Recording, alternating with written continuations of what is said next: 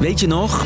Waarom alleen maar de boeren, zeg maar, hè? Vorig jaar hingen door het hele land de vlaggen op zijn kop en ging het steeds weer over... Stikstof. Stikstof. Stikstof? Het gaat slecht met de natuur. In Nederland en in Europa. Making nature healthy again is key. En nu heeft de Europese Unie na veel discussie ingestemd met de Natuurherstelwet. Ik ben Jasper en ik blader met je door die wet en leg uit waarom daar zoveel gedoe over was.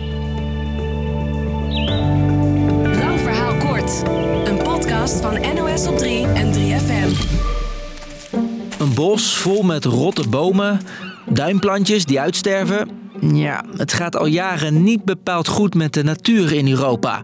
En daar ging hij, Hoe meer we uitstellen, hoe moeilijker het wordt. Frans Timmermans, mee aan de slag.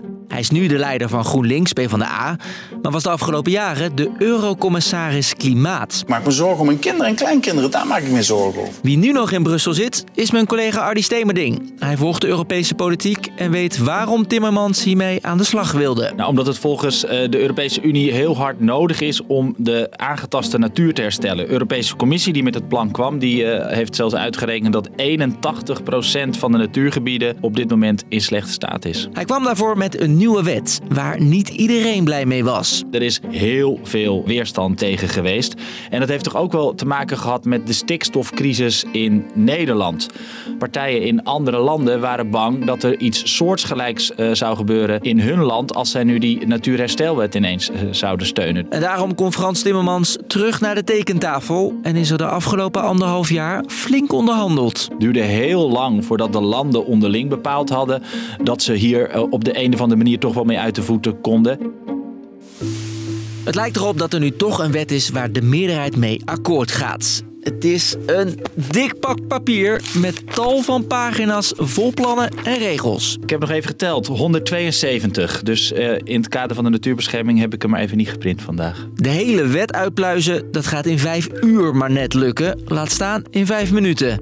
Maar Ardi, wat zijn nou volgens jou de belangrijkste dingen? Nou, bijvoorbeeld dat er wordt afgesproken dat de lidstaten van de Europese Unie eh, aan de slag gaan met het herstel van de aangetaste natuur. Dat betekent dat ze 30% van de slechte natuur, dat ze daaraan moeten werken in 2030. En dat gaat dan oplopen tot 90% van de aangetaste natuur in 2050. Dit is nog redelijk algemeen, maar er staan ook iets concretere maatregelen in. Er moeten bijvoorbeeld heel veel bomen geplant worden, 3 miljard stuks voor 2030. Maar al die regels zijn dus heel wat soepeler dan Frans Timmermans in eerste instantie had bedacht. Opvallend eh, genoeg zullen de voorstanders zeggen: het is in ieder geval een beginpunt. We kunnen nu beginnen met het herstellen van de biodiversiteit in eh, natuurgebieden. De mensen die altijd al tegen deze wet waren zeggen: alsnog vinden we dit te ingrijpend en wij zien dit helemaal niet zitten.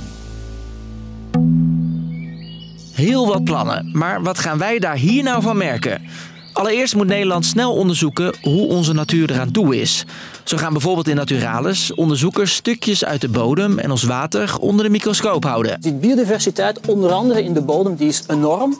Eh, en we weten op dit moment eigenlijk helemaal niet hoe dat het gaat. En het is aan de politiek om te bepalen welke maatregelen ze nemen. Zoals je wel vaak hebt bij de Europese Unie, zegt de Europese Unie wel: dit is het doel dat we willen bereiken. Maar die schrijft dan niet voor hoe dat precies gehaald moet worden. Dat is uiteindelijk aan de landen zelf. Misschien heeft deze wet dus invloed op plannen voor nieuwe huizen of wegen. Maar, zei Frans Timmermans toen hij nog eurocommissaris was, Deze wet maakt het juist mogelijk om ondernemen en natuurbescherming met elkaar te combineren. helemaal definitief is alles trouwens nog niet.